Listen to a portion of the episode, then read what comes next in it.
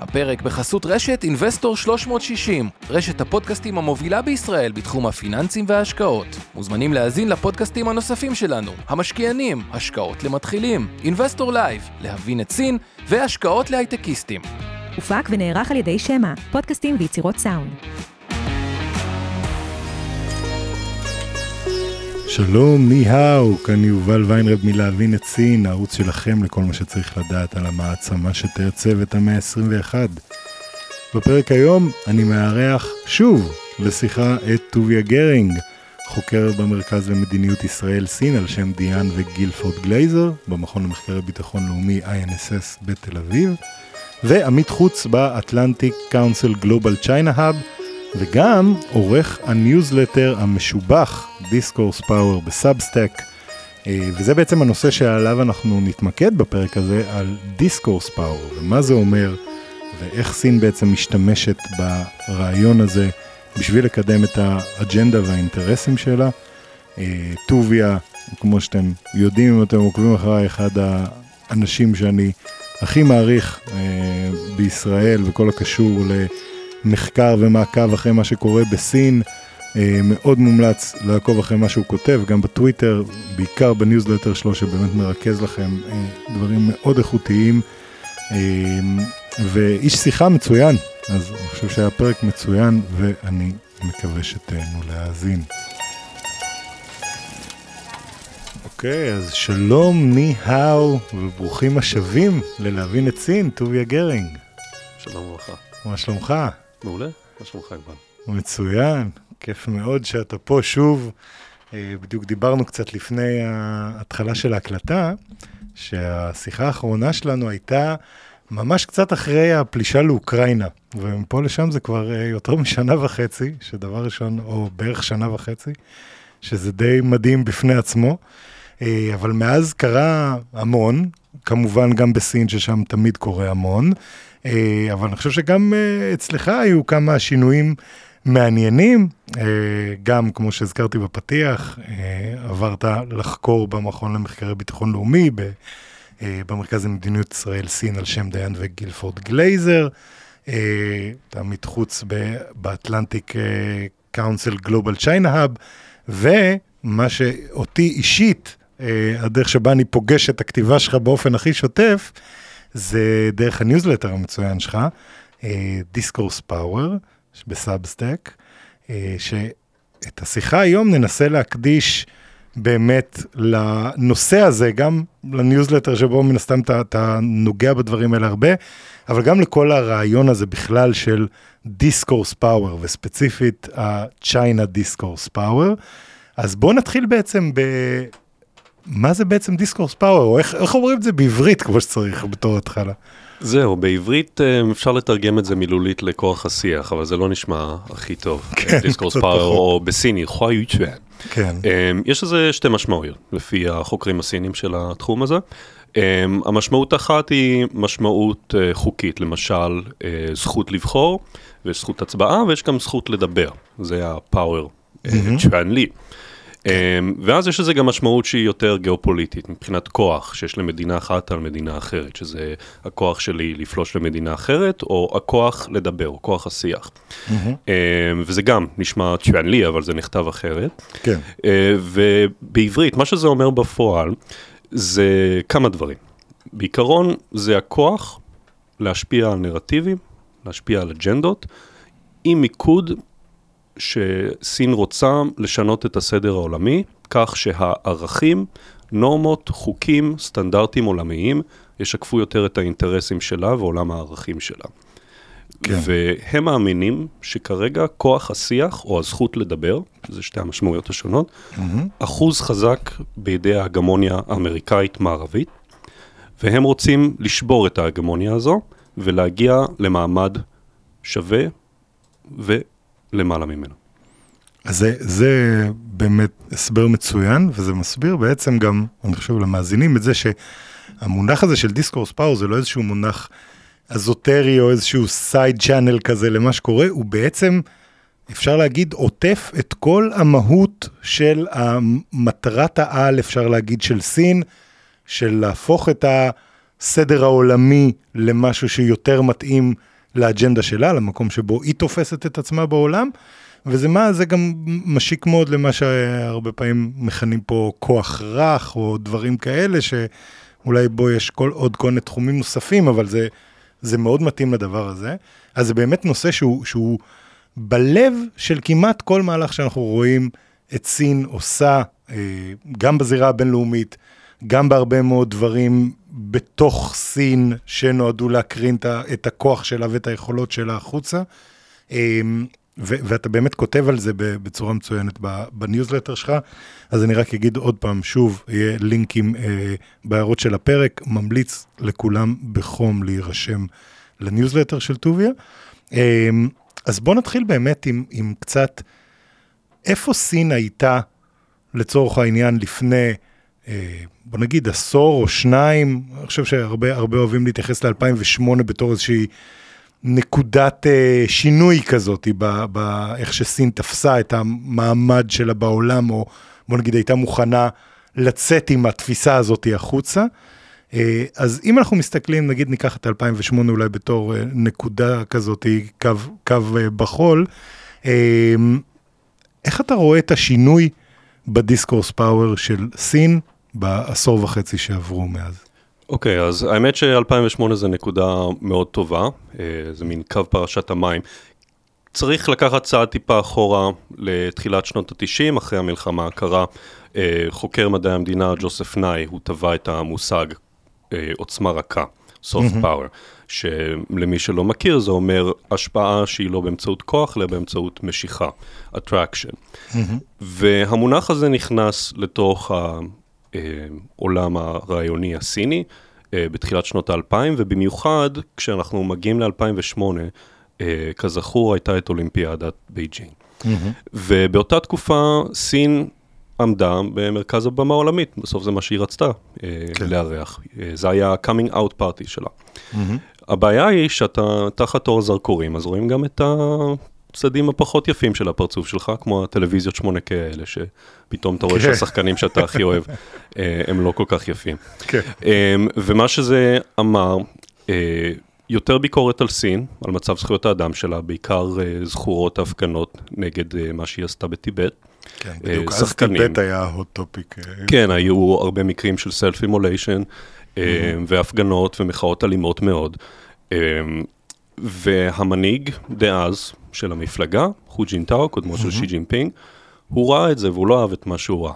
לדעתו, המדיה העולמית ופוליטיקאים זרים וסלבריטאים, הם משקפים תמונה מעוותת של סין. והוא רוצה להראות להם את סין האמיתית. והוא חושב שבגלל שהמערב הם שולטים בעוצמה רכה, אה, הם יכולים לעצב את השיח, וזה חייב להשתנות. ולכן באותה שנה הוא פוצח בקמפיין התעמולה העולמי, אה, שהשקיע בו רק בשנה אחת למעלה משישה מיליארד דולר. אה, משם זה רק התקציב עלה משנה לשנה.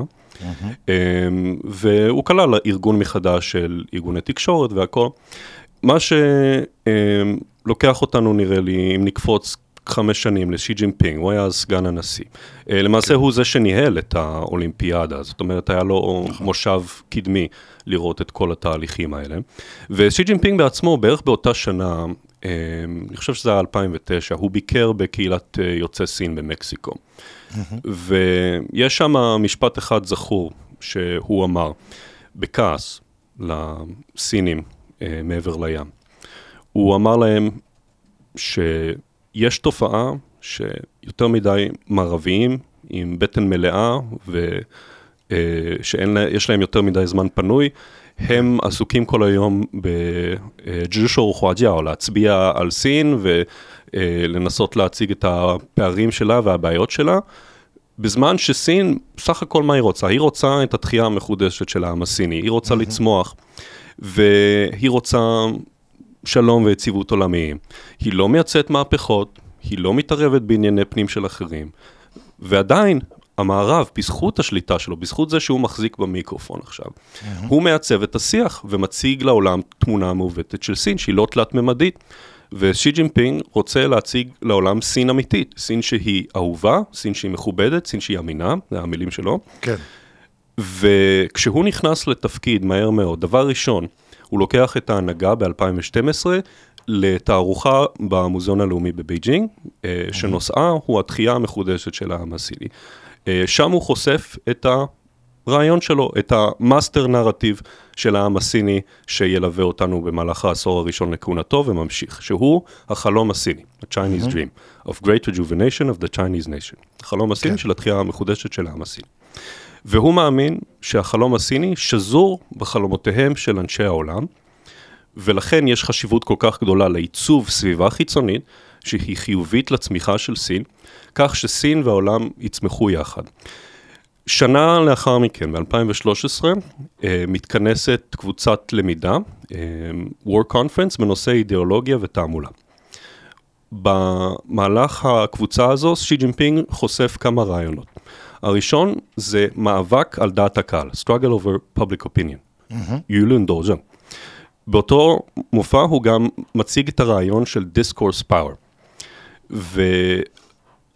והרעיון הוא, כמו שנאמר כבר, שסין היא חלשה, המערב הוא חזק, או שי צ'אנג הוא רוע, וזה מצב שחייב להשתנות. וכדי להשתנות צריך לעשות כמה דברים. כשהראשון הוא לנתץ ולשבור את הסדר הקיים, לשבור את ההגמוניה על השיח שיש למערב, ותחת ההריסות יצמח מהאפר שיח חדש שהוא יותר דמוקרטי מבחינת הייצוג של מדינות המתפתחות, מבחינת הייצוג של סין שהיא חמישית מאוכלוסיית העולם, וזה רק התחלתו של התהליך, אבל מאז שהוא הוצג ב-2013 הרעיון של דיסקורס פאוור זה מתפוצץ וזה הפך ל-buzzword אה, שמופיע כמעט בכל אה, מופע רלוונטי שקשור לתעמולה ושיח וקשור לחלום הסיני ומה זה אומר ואיך לספר היטב את הסיפור הסיני, 讲好中国的故事.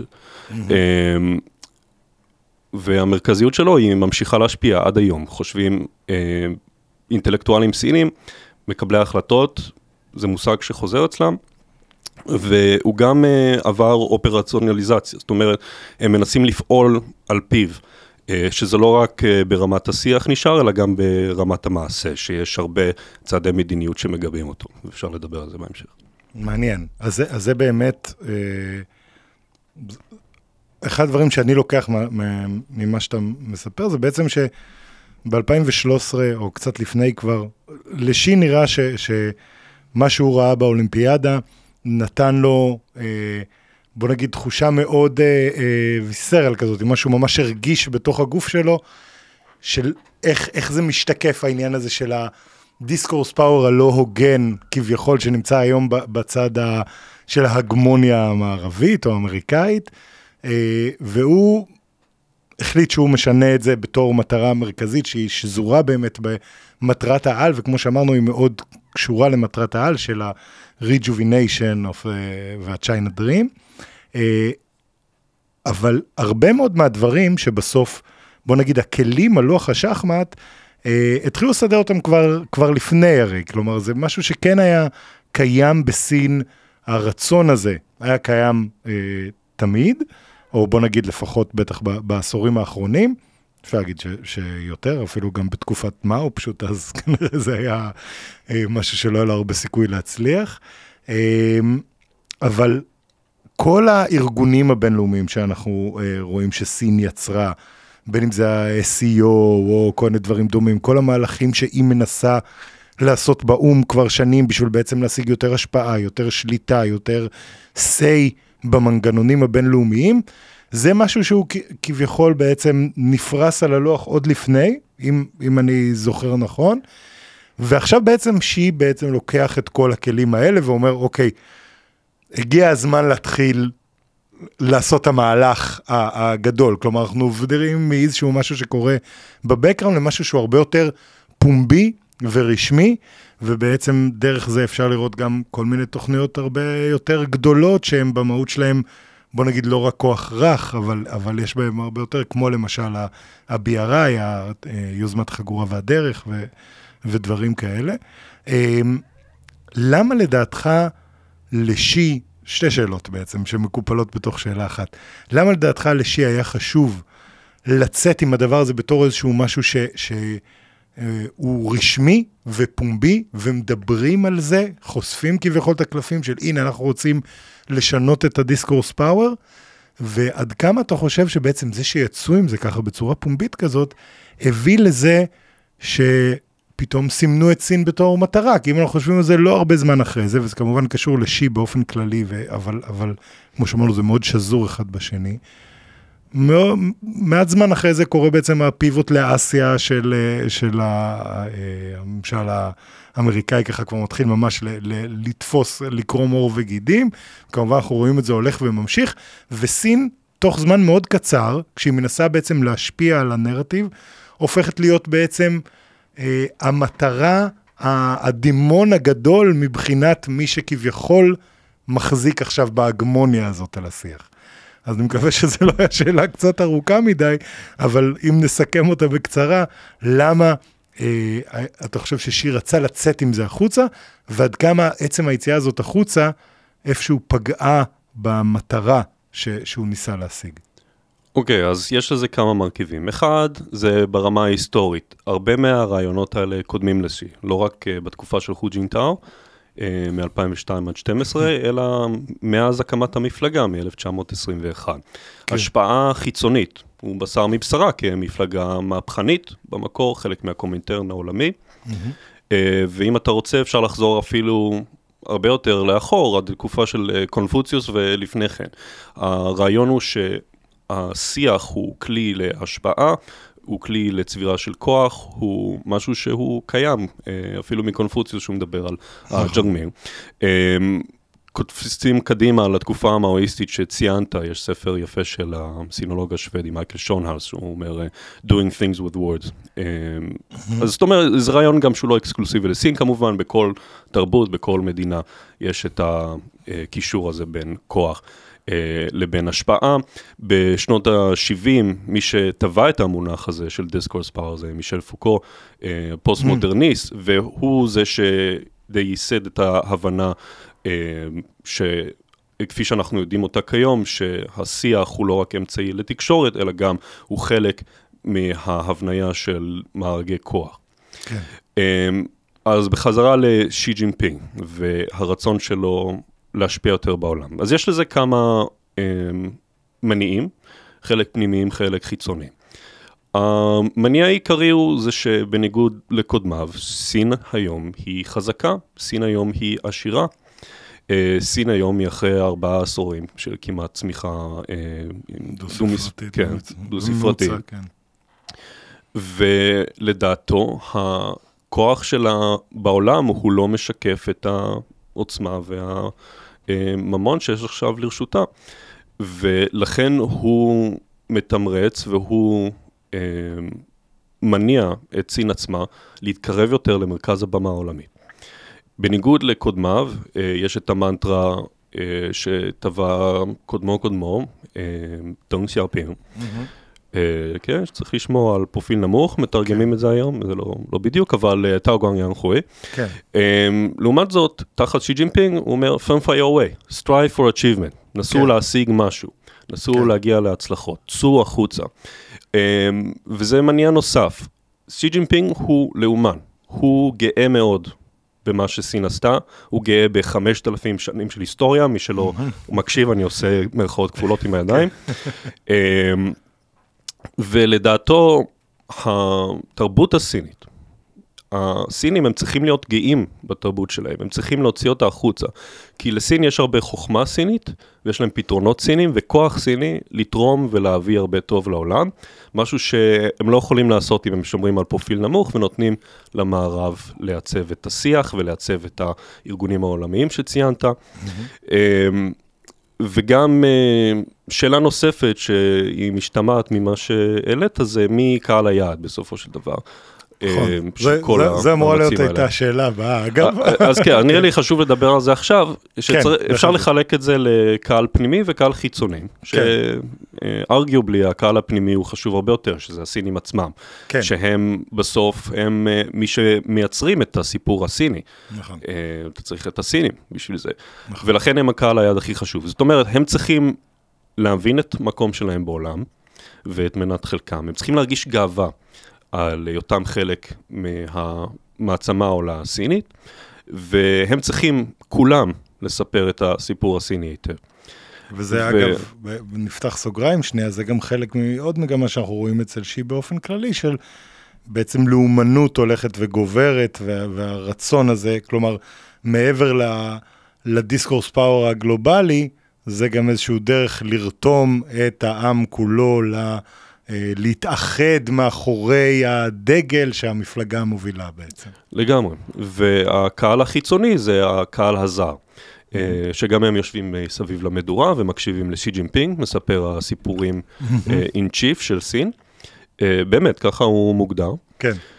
והם צריכים לשנות את התפיסות המיושנות שלהם והחד-ממדיות, ולראות את סין בצורה תלת-ממדית ואמיתית.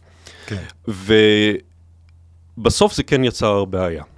אה, כשאתה מתקרב למרכז הבמה העולמית, ובצורה שסין עושה את זה, בחלק אה, גדול מהמקרים, אנחנו רואים שזה בסוף חוזר אליהם כמו בומרנג. כן. וזה יצר סוג של מעגל קסמים. כשהוא מתחיל בכך שסין היא רוצה להיות יותר מרכזית, יותר חשובה, היא הופכת להיות גם יותר דורסנית, גם כלפי פנים מול זכויות האדם בתוך סין עצמה. שזה קהל הפנימי, קהל היעד הפנימי, וגם. כלפי חוץ. הבעיה היא, הבסיסית היא שכמו כל אוטופיה, כמו כל רעיון אוטופי מרקסיסטי במאה ה-20, אז סין לא שונה מכך, שכלפי פנים היא רוצה לגרום לתחייה המחודשת של העם הסיני. כלפי חוץ, היא רוצה ליצור אה, קהילייה אנושית בעלת גורל משותף. כן. 人类命运共同体, או בעלת עתיד משותף תרגיל, אבל destiny זה יותר נכון. כן. הבעיה היא שהמציאות היא לא תמיד uh, מתכתבת עם החזונות האוטופיים. ואז מה אתה עושה? אם אתה שם uh, על דגל את אותו רעיון, והמציאות לא מתכתבת איתו, אז אתה צריך לעצב את המציאות כך שהכנפיים ייכנסו לתוך הכלוב, ואם צריך, אתה מקצץ אותם. כן. Uh, וזה מה שקורה לקהל היעד הפנימי בתוך סין. שהחזונות האוטופיים של המפלגה, אנחנו יודעים, גרמו לסבל עצום לאורך המאה ה-20, וגם בהווה, אם תסתכל על השלוש שנות אה, קורונה אין עינה עוד אין עינה. בלתי נגמר הסבל הזה, אה, ויש עוד אין ספור דוגמאות, שינג'יאנג אני בכלל לא מדבר, אה, כן. הונג קונג, הפגיעה בזכויות האדם שם ובדמוקרטיה, אה, והיד עוד נטויה. וכלפי חוץ, אתה רוצה ליצור קהיליה בעלת גורל משותף. אמ, אבל מדינות דרום מזרח אסיה למשל, הם לא כל כך אוהבים את הרעיון הזה, אה, הם שמחים עם קהיליה בעלת גורל משותף, אבל הם פחות שמחים מזה שבחזון שלך אתה רואה את כל ים סין הדרומי כחלק מהטריטוריה שלך, כן. כולל האזורים הכלכליים האקסקלוסיביים שלהם. בנוסף לכך, החזונות לא מתכתבים כל כך אה, עם המדיניות החוץ הסינית, כאשר אנחנו באים לפתור בעיות אמיתיות בעולם. הדוגמה הבולטת לכך, אה, איך שהתחלנו, זה המלחמה באוקראינה, שממשיכה אה, עדיין ביתר שאת. אם אתם זוכרים, בחודש מרץ, סין הצליחה לתווך בהצלחה. אה, סין טיווחה בהצלחה בין איראן, ערב הסעודית, כן. לסוג של דטנט, נורמליזציה. מיד לאחר ההצלחה הזו, הם אומרים, תראו איזה פלא, איראן וערב הסעודית, הן מבינות סוף סוף מה הכוונה בעולם שבו סין היא זו שמכתיבה את הטון, בעולם שבו סין מספקת פתרונות, אה, איך זה נקרא? public goods, כן. לטובת השלום, ושבוע לאחר מכן היא מציעה תוכנית 12 נקודות כדי לפתור את, את הבעיה באוקראינה. ואני אה, שואל שאלת תם, תראה לי את האוקראיני הבודד שיוזמת 12 הנקודות האלה עזרה לו.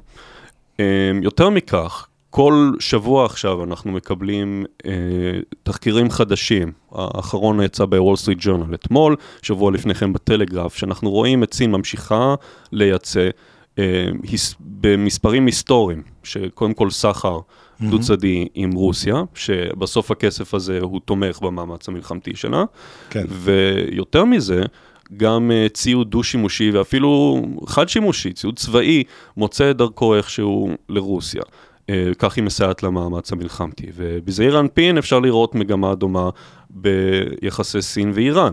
כן. Uh, שוב, אין הרבה אהבה בין הצדדים, אבל זה לא משנה. סין היא מסייעת למשטר האיראני בתמיכה כלכלית, בתמיכה פוליטית, גיאופוליטית, אה, דיפלומטית. אה, לפני חודשיים או חודש כבר אה, איראן הצטרפה לאותו ארגון שציינת, השנגחאי Cooperation Organization, ארגון שנגחאי לשיתוף פעולה, בהובלה סינית-רוסית. אה, בינתיים זה יותר talking אה, shop מאשר גוף ביצועי ממשי, אבל כן. הם כן אה, דיברו למשל שבוע שעבר, אז השר להגנה לאומית, אה, שר ביטחון, כמו שאנחנו מכירים אותו, לי שנגפו, הוא הצהיר שיש עניין לסין לחזק את שיתוף הפעולה הצבאי עם איראן, בלרוס על הדרך, במסגרת השנגחאי קורפוריישן אורגניזיישן, רוצים להגביר את התרגילים הצבאיים בין הצדדים, וצריך לזכור שכל מופע כזה, סיני, הוא הזדמנות למנהיגים השונים להתכנס תחת קורת גג אחת, לתאם מדיניות, um, השרים מלווים אותם, אנשי עסקים מלווים אותם, זאת אומרת זה לא חסר ערך לחלוטין. עכשיו כן. uh, בימים אלה ממש מתכנס uh, בריקס בדרום אפריקה, כן. uh, וגם שם יהיו הנציגים מסין, מרוסיה, פוטין לא יגיע כי היו עוצרים אותו, כן. um, אבל עדיין זו הזדמנות של הדרום הגלובלי, ובסין בראשותו, כפי שהיא רואה אותו, כדי לחזק את הקול שלהם לעומת הצפון הגלובלי, לעומת המדינות המתפתחות.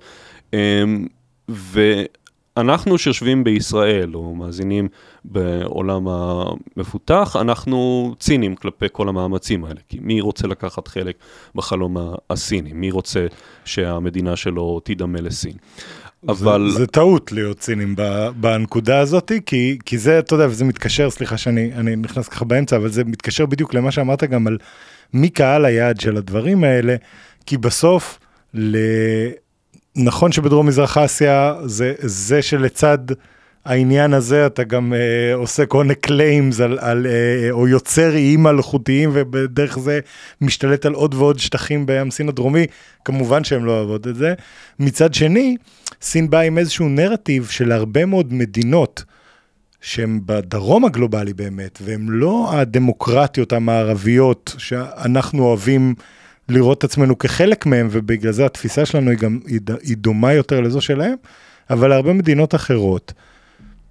בסופו של דבר, אם מבקשים מהם לבחור צד בין סין לארצות הברית, זה משהו דבר ראשון שרובם יעדיפו לא לעשות בכלל, ואני חושב שסין הרבה פחות דורשת, לפחות בתפיסה של המדינות האלה ואיך שהם מדברים על הדברים האלה, ופחות דורשת מהם לתפוס אה, את הצד שלה בלבד. היא אומרת, תעשו, תראו מה יותר טוב לכם, כביכול אה, בא להם באיזושהי גישה תועלתנית ו- ומאוד אה, נוחה.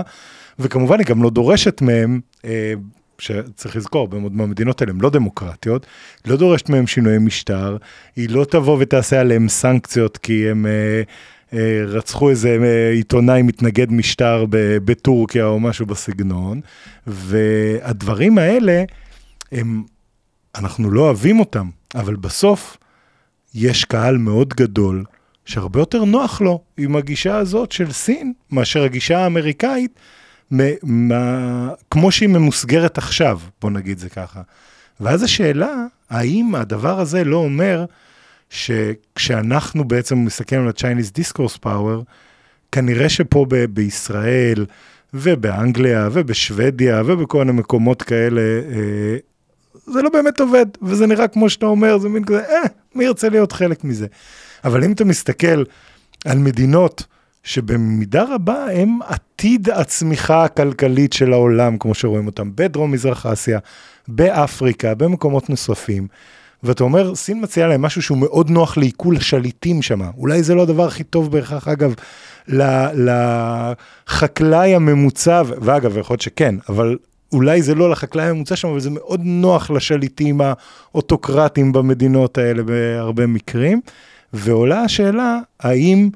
הדבר הזה, אנחנו אולי מסתכלים עליו בתור משהו ציני, אבל האם עם המדינות האלה הוא לא אפקטיבי ובאמת יוצר איזשהו שינוי, שבסופו של דבר הוא מסוכן, כי אני רק אגיד, אתה, אתה גם הזכרת את בריקס למשל ואת הנושא הזה עם רוסיה, צריך לזכור, בתוך בריקס, הודו שהיא הפרטנר המועדף עכשיו שיחליף את סין בעיני הברית והרבה מדינות מערביות, גם הודו סוחרת עם רוסיה, וגם הודו מנצלת את המצב הזה לטובתה, וגם היא לא מרגישה מחויבת לאיזושהי עמדה קשוחה, ברורה, מערבית, אנטי רוסיה בעד אוקראינה. וזה לא שיש הרבה אהבה בין, בין סין להודו, אבל בסופו של דבר, המדינות עושות דברים לפי האינטרסים שלהם. והשאלה היא מעבר לעולם המערבי, שבו במובהק אנחנו מעדיפים את סט הערכים האמריקאי, אנחנו מעדיפים את ההובלה האמריקאית על ההובלה הסינית, האם אין חלק הולך וגדל של העולם שלו, הוא כן היה רוצה שלסין יהיה יותר דיסקורס פאוור, הוא כן היה רוצה שבעצם הצורה הזאת, ה-China way, אה, היא הדרך שהם מעדיפים לעבוד בה. או בוא נגיד זה ככה, בוודאות לא מעדיפים את הדרך האמריקאית שתהיה הגמונית, כמו שהסינים אומרים על זה, לטובה, אה, לעומת האלטרנטיבה. אה, כן, יש פה הרבה מרכיבים כן, אה, לשאלה הזו. יוצא לי ארוך. אין בעיה, נעבור אחד-אחד. כן. אז המרכיב הראשון, אם נסתכל על בריקס למשל, ולפי המדווח הצטרפו למעלה מ-60 מדינות. אמ, הדבר... בריקס פלוס, זה השם כן, מה שמחבר בין כל המדינות השונות האלה, זה קואליציה של הממורמרים. ובצדק, הם כן. רואים את המערב כיהיר, כצבוע, כמנותק, כשארצות הברית הולכת למדינות שלהם ומדברת על ה-rules-based international order, על הסדר עולמי מבוסס חוק, הם, לדעתם ה-rule-based international order מת כבר לפני 20 שנה בעיראק. בדיוק. אמ, אחרי שארצות הברית פלשה בלי אמ, הסכמה של מועצת הביטחון של האו"ם. Mm-hmm. מסתכלים על ארגון הסחר העולמי ורואים איך ארצות הברית היא זו שמשבשת מנגנונים עולמיים.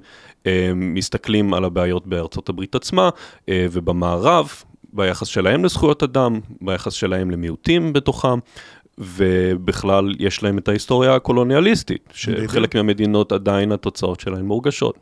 נכון. ואז מגיעה סין, לכאורה no strings attached, הם כן. מגיעים בלי תנאים מוקדמים, אה, עם asterisk, נדבר עליו, אמ-המ. על הערת שוליים, שכן אה, אולי מגיעים עם תנאים, והם אומרים, אנחנו מביאים לכם בדיוק את מה שאתם רוצים, שזה יציבות ופיתוח, ובלי צורך לעבור אה, דמוקרטיזציה, בלי צורך לעבור ליברליזציה. לפעמים אפילו ממש לעזור לכם לבסס את האוטוקרטיה שלכם דרך כל מיני מערכות מידע והמעקב אחרי האזרחים ודברים כאלה. בדיוק, אה, השבוע יצאה כתבה של אקסיוס על אה, בית ספר לממשל בטנזניה, שנפתח כבר לפני שנה, שמלמדים שם על איך אה, לנהל כמפלגה אחת מדינה. ונכון, אנחנו במדינות המתפתחות לא יכולים בלי דמוקרטיה, בשביל זה מפגינים כבר 34 שבועות. כן. אה, פה בארץ וגם במדינות האחרות בעולם המפותח. אבל במדינות שאתה כל כך עני, שאתה לא יודע מתי הארוחה הבאה שלך ומה תאכל, ושהשלטון שלך הוא מושחת ולא אפקטיבי. מה שמעניין אותך זה פחות דמוקרטיה ויותר ביטחון ויציבות. הרבה יותר אה, נמוך בפירמידת הצרכים של מאסלו. ופיתוח, כן? בדיוק, זה הדברים שמעניינים אותך, ושסין היא מגיעה עם סל גדול של הזדמנויות, של פיתוח. אה, יוזמת החגורה והדרך שמציינת באוקטובר אה, עשור, ואז הוצגה. ובשנתיים האחרונות נוספו לה עוד שלוש יוזמות עולמיות, אחת לפיתוח, אחת לביטחון ואחת לסיביליזציה. כן, אה, אגב, אני רק אגיד שאתה עשית אה, מאמר שעושה הרבה מאוד סדר בדבר הזה, ואם תוכל לשלוח לי אותו, אחרי זה נוסיף אותו אה, בהערות של הפרק. כן, האמת כתבתי. שניים, אחד בהקשר הישראלי ל-INSS, ואחד כן. בהקשר העולמי כתבתי מייקל שומן מהאטלנטיק, נכון. וג'ונתן פולטון. נשים את שניהם, אני מניח שלרוב החבר'ה אצלנו הישראלי. כן, הישראלי זה ייתן כן. את התקציר לזה. ואפשר לראות במספרים גם את האפקטיביות של המסר. לפני שבועיים כבר, שלושה, יצא הסקר השנתי של פיו, mm-hmm. שבו הם שואלים את מידת ה-favorability, עד כמה רואים לחיוב את סין בעולם, אה, לעומת ארצות הברית.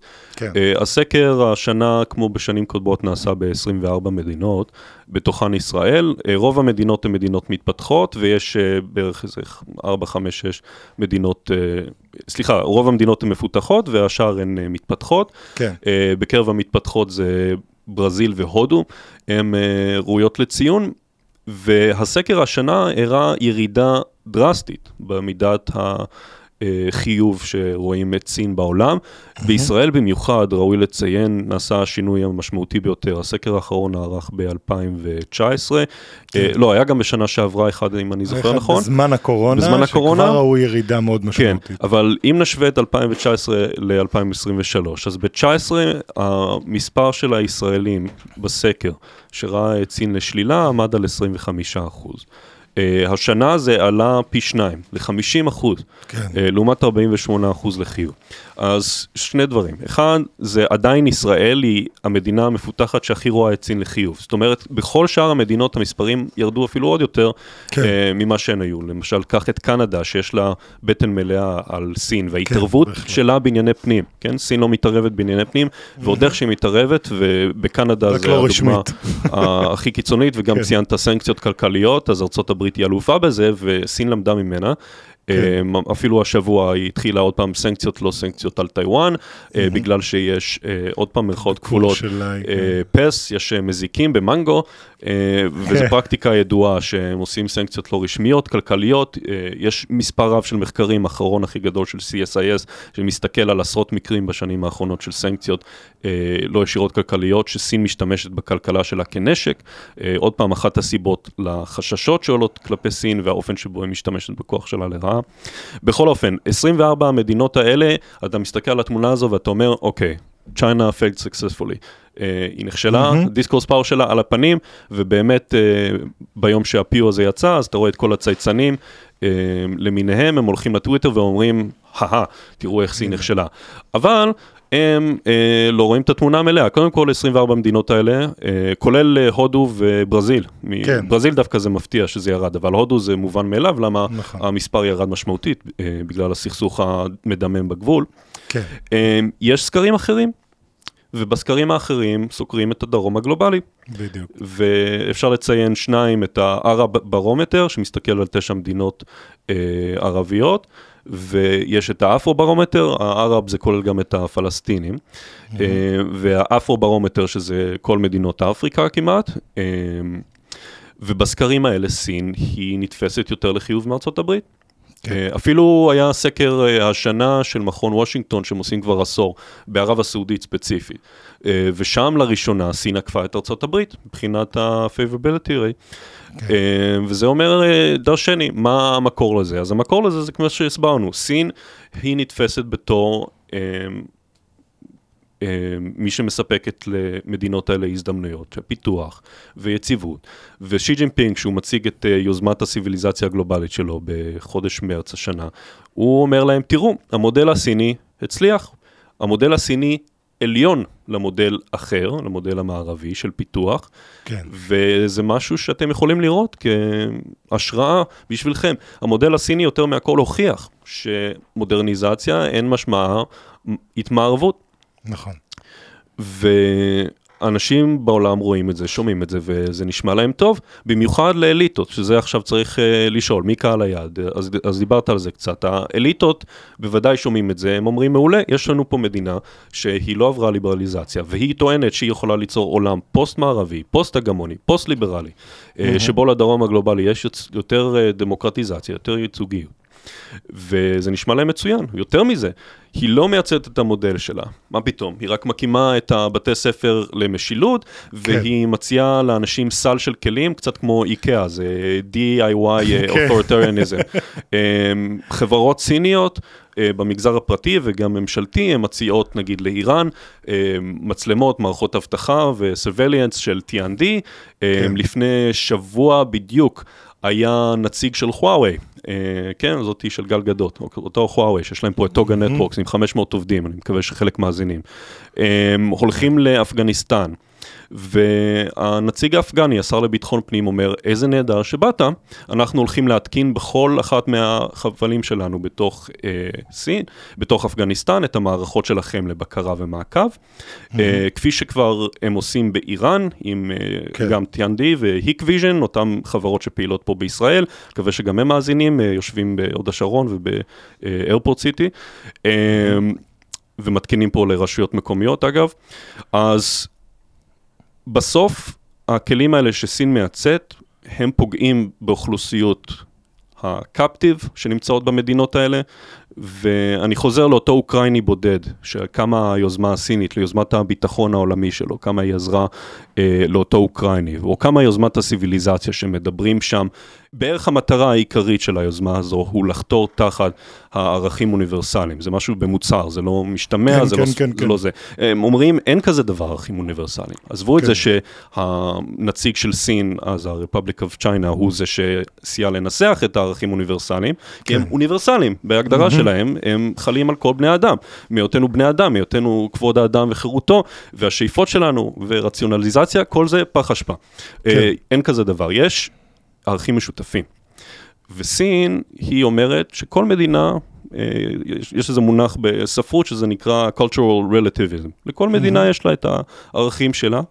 אה, היא תקבע לעצמה, ובפועל מה שזה אומר, אנחנו מכפיפים את האדם, הפרט ואת הערכים האוניברסליים תחת הסוברן, תחת הריבון שזה המדינה, והיא זו שתחליט לעצמה, היא תקבע תחת התנאים המקומיים, מה זה אומר כבוד אדם וחירותו, מה זה אומר חופש ביטוי, מה זה חופש עיתונאי וכן הלאה.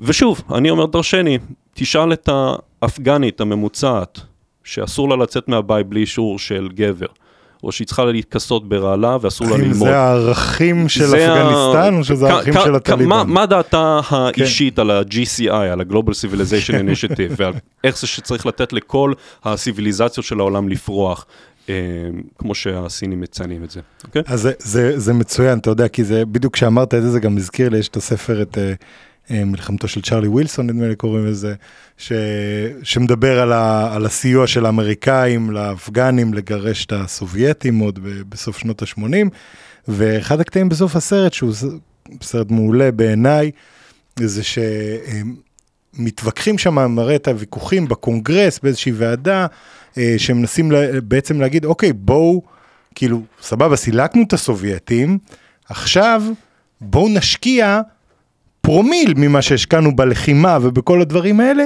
בלבנות התשתיות של החינוך ולהתקדם ולעשות כל הדברים האלה.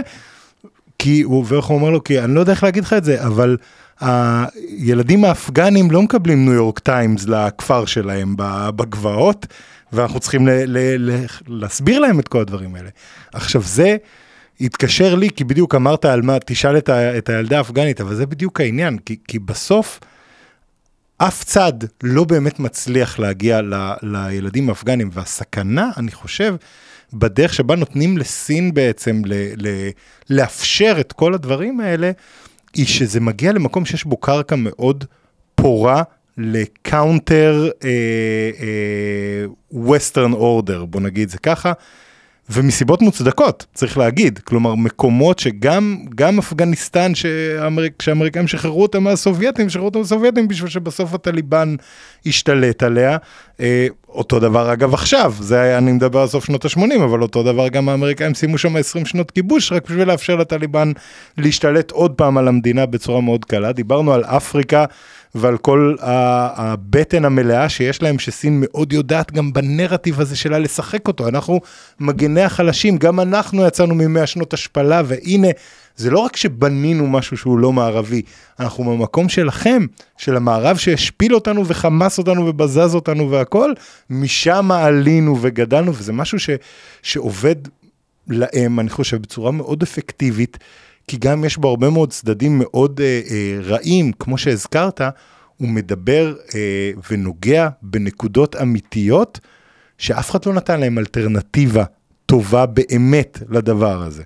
אה, והשאלה עכשיו, ככה, אתה יודע, לקראת הסיום של השיחה המעולה הזאת, זה האם יש למערב משהו באמת שהוא יכול לעשות בשביל להיאבק בניסיון הזה של סין, בעיקר מול הדרום הגלובלי, להציע את המודל שלה בתור המודל שמאפשר את כל, ה... את כל הסיפור הזה, את כל הטפטוף של הנרטיב הסיני לתוך... אה, כי בסוף, אתה יודע, זה יגיע ל... ל... לאליטות, אבל כשיש לך מהלך כל כך אוטוריטרית, ואנחנו רואים את זה גם בסין, ה-average... average Joe, average Wang, לא יודע איך נקרא לזה, במדינות האלה, אה, בסוף הוא לא קורא את הניו יורק טיימס, הוא שומע את מה שהשלטונות שלו אומרים לו, בטח כשהמדיה היא בבעלות ממשלתית, בטח כשהכול נשלט על ידי אה, מכונות תעמולה כאלה, וכמו שאמרת, ה-DIY אוטוריאניזם. אז אה, האם יש משהו בעצם שהמערב יכול לעשות לדעתך, טובי, בצורה אפקטיבית בשביל לשנות את המצב הזה שאנחנו רואים בעיקר בדרום הגלובלי? כי בתחושה שלי, איך שארצות הברית מתייחסת לעניין הזה היום, ברוב הדברים, האמת שבשנים האחרונות רואים קצת מהלכים שלדעתי מהלכים חכמים, אבל הם מאוד טובים בלהגביל את סין בדברים מסוימים, הם לא באמת טובים ב-to win over את ה-global south. Uh, כן, אז דבר ראשון, המערב לא צריך לעשות הרבה. סין היא האויבת הכי גדולה של עצמה כשזה מגיע mm-hmm. לכוח השיח שלה. אמ, ושורה של כישלונות מבית, וגם עכשיו מי שעוקב אחרי המצב הכלכלי בסין, כן. הוא מראה שלא כל אה, זהב נוצץ. המודל הסיני הוא פתאום פחות מושך כשאתה רואה את ההתמכרות לחוב, ואתה רואה את השחיתות שממשיכה, ופיטורים בצמרת, ואוכלוסייה מזדקנת, ואותם גאונים אסטרטגיים שמדברים על אה, איך הם רוצים לעצב מחדש את השלום העולמי, הם אותם אה, אנשים שבסוף התחילו את מדיניות הילד האחד, שהובילה ל-1.09 ילודה עכשיו, שזה נמוך אה, יותר מיפן אפילו. כן. אז אתה רוצה שהם אלה שיגדירו איך העולם ייערך? אנשים רואים את זה, הם רואים גם ששי ג'ינפינג אה, בחר בעצמו לכהונה שלישית עכשיו, אה, והם נשלטים בעצמם תחת אה, שליטים סמכותנים. זאת אומרת, יש דברים אה, שסין בעצמה עושה ופוגעת כבר. אה, מאוד באופן שבו היא נתפסת, ורואים את זה. השאלה אבל אם היא פוגעת, אבל בתוך קהל המטרה של כן, הדברים האלה. כן, אז אם תסתכל למשל על ההר הברומטר, על האפרו-ברומטר, תסתכל על הר הברומטר, זה יותר קרוב אלינו, אה, תשווה את הסקר האחרון לאחד הקודם לו. סין נתפסת בצורה יותר חיובית מארצות הברית, אוקיי? אה, ושם בדרך כלל סין תעצור. אבל אם אתה ממשיך ה... למשפט הבא, אתה רואה שהנתונים הנתונים במגמת ירידה. כן. אה, ואם אתה מסתכל יותר בפרטים, למשל, אתה שואל אותם לא מי חיובי יותר, אלא מי אתה רוצה שישקיע, מי אתה רוצה שיבנה לך את התשתיות, איפה אתה תשלח את הילדים שלך ללמוד. כן. אה, התשובה היא כמעט תמיד, ארצות הברית. החגורה והדרך היא תרמה המון, אה, יש הרבה מיסאינפורמציה.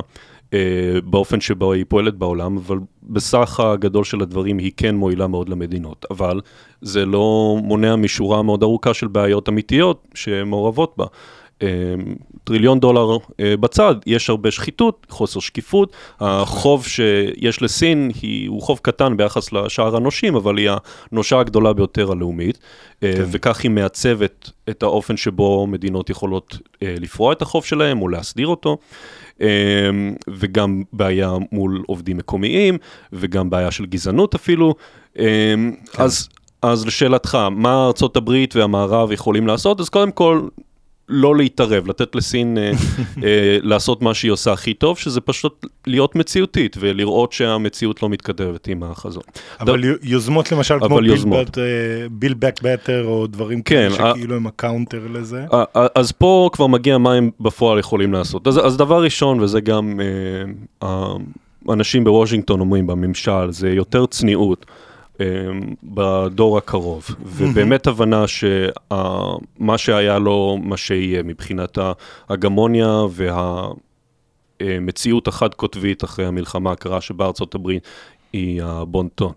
אה, כן. העולם הזה כבר לא יחזור. אמ, כפי שאמרת, המשקל, מרכז הכובד הכלכלי, הדמוגרפי, הוא עובר לאזור האינדו-פסיפי, אסיה-פסיפיק, או רק אסיה אם אתה רוצה. כן. אמ, והרבה פחות מה... הצד האטלנטי בין ארה"ב ואירופה. כן. וצריך להכיר בכך, זאת עובדה. אה, וזה חלק ממה שמניע את האסטרטגיה האינדו-פסיפית של ארה"ב, זה כן. ההכרה הזו. אה, וההכרה הזו היא חייבת להיות מלווה ביותר צניעות. אה, זאת אומרת, צניעות ביחס למה שארצות הברית יכולה, יותר מודעות לבעיות האמריקאיות עצמן. אה, והמודל האמריקאי, שגם הוא עכשיו אנחנו עוד בתקופה של ביידן ובשיא, אבל אנחנו עומדים כנראה בפני משבר כלכלי בשנה הבאה, אה, יכול להיות שטראמפ ייבחר מהכלא אולי, אבל יכול להיות שטראמפ יחזור ואיתו גם הפרוטקציוניזם האמריקאי. וההתבודדות האמריקאית והאופן האיקונוקלסטי שלו ביחס לסדר העולמי. וזה דבר אחד. דבר נוסף, זה, חוץ מצניעות, זה גם חזון חיובי. אה, לעתיד העולמי ולתפקיד המערבי, בעיקר אנחנו מדברים על ארה"ב, אבל זה נכון לכל מדינה, אה, שזה פחות להטיף מוסר וכן להציע פתרונות, שזה מה שסין עושה בהצלחה, היא מציעה אה, פתרונות ואופציות למדינות שאין להן בדרך כלל אופציות לבחור מתוכן. וזה גם במהות הרעיון של ה-Build Back Better World אה, וה-PGII וה-IPF, mm-hmm. וגם לאירופאים יש את ה-Global Gateway, והיפנים יש להם גם אה, יוזמת חגורה ודרך משלהם כבר הרבה שנים, פשוט עם מיתוג פחות טוב, כן. אה, הודים גם. לכל המדינות האלה יש הזדמנויות שונות שהן מספקות לדרום הגלובלי. ככל שהן תתאמנה את הדברים האלה ביחד, אז יש פה כבר משקל רציני אמ, ואני אפילו לא אומר משקל נגד, כי זה לא משקל נגד, צריך גם את הסינים, צריך גם את האמריקאים וגם את האירופאים. כל מצוין. דולר, כל יואן שנכנס למדינות המתפתחות, הם יקבל בברכה. אמ, וזה הדבר הבא, הם צריכים, גם הסינים, גם האמריקאים, להיות פחות לעומתיים, ולראות איך משתפים פעולה. אה, כשאני אומר את זה, זה נשמע מגוחך, כי המצב הגיאופוליטי הוא כל כך נפיץ עכשיו, אה, שככה זה נשמע, אבל זה לא חסר תקדים. יש אה, מקרים, אפילו בעשור האחרון, ששתי המעצמות, וגם המערב וסין, הן משתפות פעולה כדי לפתור בעיות עולמיות, והבעיות העולמיות רק הולכות וגדלות. נכנסנו לפה, דיברנו על החום, כן. השינוי אקלים. המגפות, עכשיו יש עוד uh, זן חדש של קורונה שמתקרב אלינו. כן. טרור עדיין, סייבר, צפון קוריאה, איראן, והיד עוד נטויה מבחינת בעיות. ובדברים האלה, סין וארצות הברית, לא רק שהן צריכות להפסיק להפריע אחת לשנייה, הן צריכות לשתף פעולה, או לפחות לתאם או לא להפריע אחת לשנייה, ולפעול במקביל לטובת אותן מדינות. ובסוף כשאתה יושב באפריקה, אתה יושב בישראל, ואתה רואה איך המדינות מתנצחות על הראש שלך, אתה הארינה, אתה זירת נכון. האגרוף, בסוף אתה זה שנפגע, הם חוזרים אחרי זה לפינות שלהם.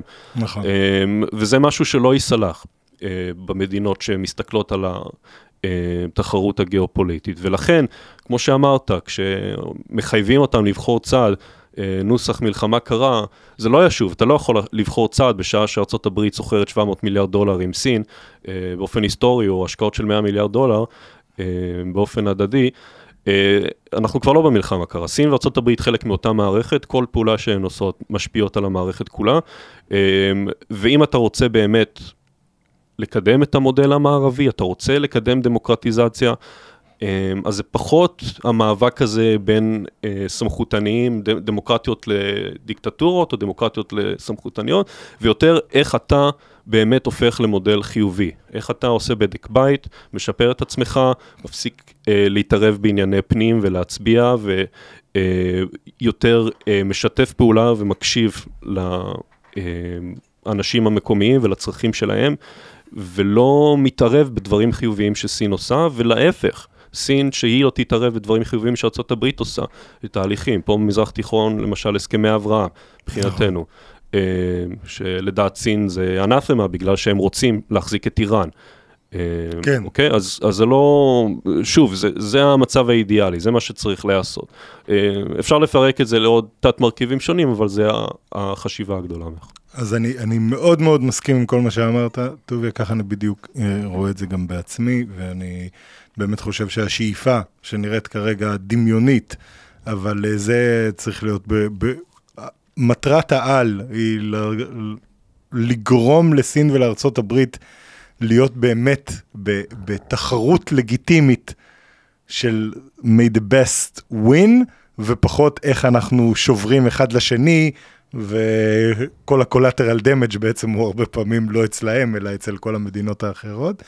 אז באמת שאלה אחרונה לסיום, שמאוד קשורה גם לדברים שאתה מתעסק בהם במכון למחקרי ביטחון לאומי, אה, איך ישראל ספציפית צריכה להתנהל בתוך המקום הזה, לדעתך? כלומר, ברור ש... ברור באיזה צד אנחנו, כן? אני לא חושב שיש פה איזושהי שאלה, אה, אבל בכל זאת, אה, יש כאן את הכלכלה השנייה הכי גדולה בעולם, יש לנו הרבה דברים שאנחנו יכולים אה, להרוויח מהם, ואנחנו גם צריכים להיזהר, כמובן, לא להיות יותר צדיקים מהאפיפיור. אני זוכר שאני לא זוכר באיזה פודקאסט שמעתי אותך אומר את זה באנגלית, אבל שאמרת על זה ש... בסוף האמריקאים באים אלינו עם, עם הרבה מאוד דרישות שהם בעצמם לא בהכרח מקיימים אצלהם.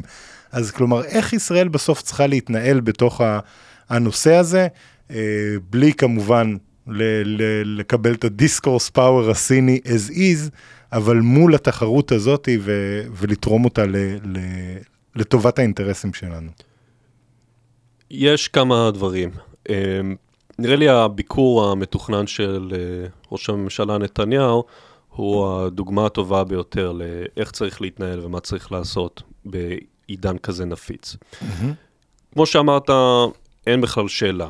איזה צד אנחנו, אנחנו כבר מזמן עשינו את הבחירה שלנו. כשאתה משווה את התרומה של ארה"ב לתרומה של סין לישראל, זה אפילו לא באותה ליגה. אה, גם מבחינת הגנה על ישראל ב... אה, פורומים בינלאומיים, בווטו, כן. אה, סיוע צבאי על סך 170 מיליארד דולר מאז הקמת המדינה אה, עדיין ממשיך. אה, ערכים משותפים, קשרי משפחה שיש, חצי מהעם היהודי שיושב שם. נכון. ובסוף התמיכה הזו ההיסטורית, שהיא חלק מהסיפור הישראלי והציוני, לעומת הצד הסיני, שלא רק שהוא נגד, הוא אפילו יוזם מהלכים נגד ישראל, לא מעניין אותו כן. הסכסוך הישראלי-פלסטיני, אלא רק להתנצח על חשבוננו. אה, סיוע צבאי בכלל לא מדובר. ועכשיו כביכול הם כן אה, רוצים להיות מי שפותר את הסכסוך הזה, אבל זה ברור שזה... כן, זה, זה ברמה הרטורית. כן. אגב, הברומטר, הפלסטינים הם הנתון הכי נמוך של, מכל המדינות שנזכרו, זה פחות מ-30 אחוז רואים לחיוב את סין. הם מבינים בדיוק עם מי כן. יש עסק. כשזה מגיע בסוף לחיים האמיתיים שלהם, סין היא לא מוציאה שקל בהשקעות נכון. בפלסטינים, אה, והם פשוט עושים virtue signaling ברמות כן. בינלאומיות. בכל אופן, איך ישראל צריכה להתנהל? היא צריכה להיות בתקופה הזו הרבה יותר זהירה והרבה יותר קשובה והרבה יותר בשיח עם ארצות הברית, ששם זה המקור לאי-הבנות. אמ, אבל גם עם סין, הנתון הזה של פיו, ש-25% מהישראלים רואים לשלילה, עכשיו 50%, אמ, קרה שם משהו בארבע שנים האלה, משהו מאוד לא טוב. אה, ואנחנו לא רוצים שהמגמה הזאת תמשיך. אין אינטרס שישראל תהפוך לאויבת של סין וסין תהפוך לאויבת של ישראל. אמ, סין היא שותפה הסחר השנייה בגודלה של ישראל, לא כולל האיחוד האירופאי. כן. היא שותפה הכי גדולה ליבוא של ישראל, היא משקיעה כבר לא גדולה, אבל עדיין איזה 7% מההשקעות. Mm-hmm. יש עוד מקום לשיתופי פעולה שהוא לא ביטחוני, כבר משנות 2000 אנחנו לא מייצאים אה, ציוד ביטחוני או דו-שימושי, אה, כן. כביכול לסין, לפחות לפי חוק. אמ, ויש עוד תחומים אזרחיים שהם לא רק שהם צריך לעשות אותם, אלא חובה על ישראל לשתף איתם פעולה, אה, גם לטובתה של סין וטובה של העולם כולו אפילו, אה, אם זה מים וביטחון תזונתי וחקלאות וכן הלאה. כן. אמ, ולכן, מה שזה דורש זה הרבה יותר אמ, מקצועיות. אנחנו כן יכולים להמשיך את מה שעשינו, אבל בהרבה יותר זהירות. סך הכל המדיניות של ישראל היא תמיד הייתה זהירה ומחושבת כלפי סין. ב-20 שנה האחרונות יש לנו אנשי מקצוע אה, במנגנונים השונים בממשלה שהם לא מתחלפים והם אנשי קריירה שמתעסקים בסין, הם מבינים אותה, הם מנווטים את ישראל הרבה יותר טוב ממדינות אחרות, ארה"ב כולל ומדינות אירופה, למשל כן. כאלה ששרפו את הקשרים שלהם עם סין. אה, כמו ליטא למשל. ישראל אין את הפריבילגיה לעשות את זה, אין לנו איחוד אירופי שיעשה נכון. נאט"ו כלכלי שיגן עלינו. אה, עם ארצות הברית, עכשיו, ככל פעם שאתה קורא משהו בכיוון הסיני, אז הראש שלהם עולה באש.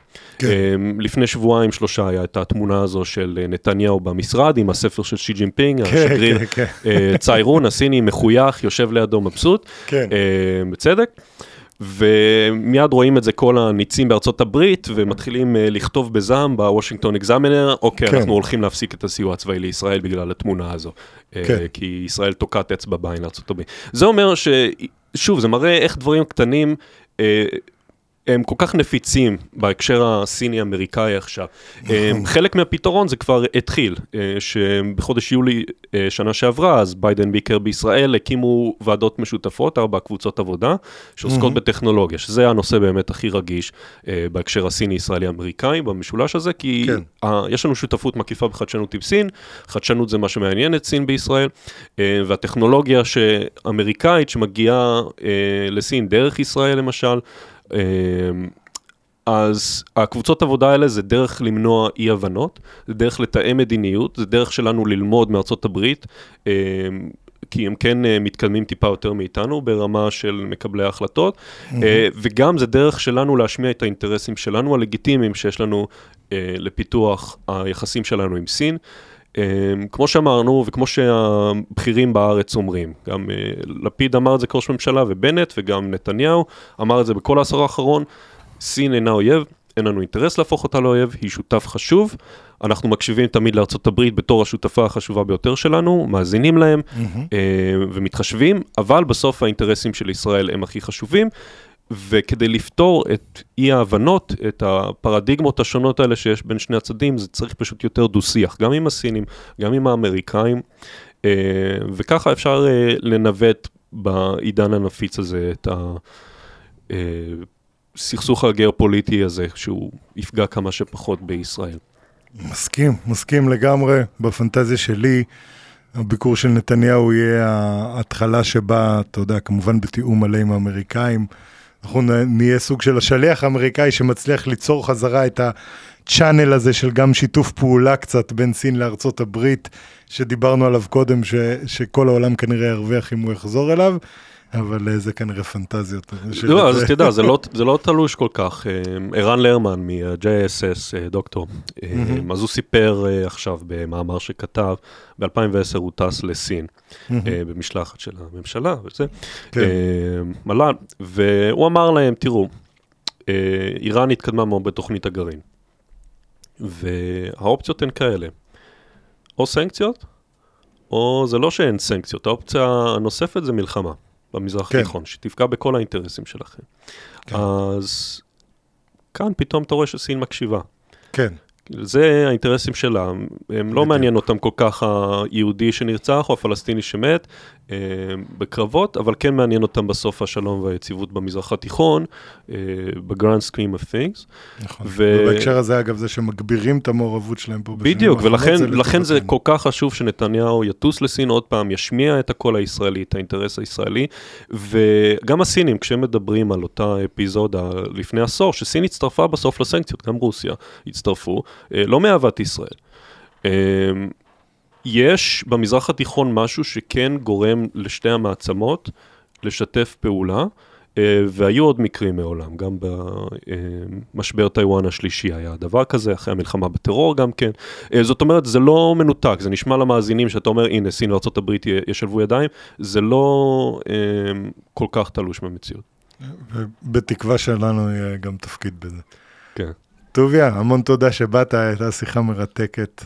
תודה כמו לך. תמיד, מקווה שהפעם הבאה תהיה עוד פחות משנה וחצי, יש לנו המון נושאים לדבר עליהם. כבר אז, אגב, בפרק הקודם, אחד הנושאים שרצינו לדבר עליהם, שאני חושב שאתה יודע, עם כל ה... באמת בלגן הגיאופוליטי הגלובלי של השנה וחצי האחרונות, בטח לא היה לך גם אותו יודע זמן להתעסק בו, אבל אתה כותב הרבה גם על כל נושא האנטישמיות אה, אה, בסין, וזה גם נושא שאני הייתי שמח אה, לארח אותך לפרק עליו, אז אולי נעשה גם את זה בהזדמנות. תודה רבה שבאת. תודה לך.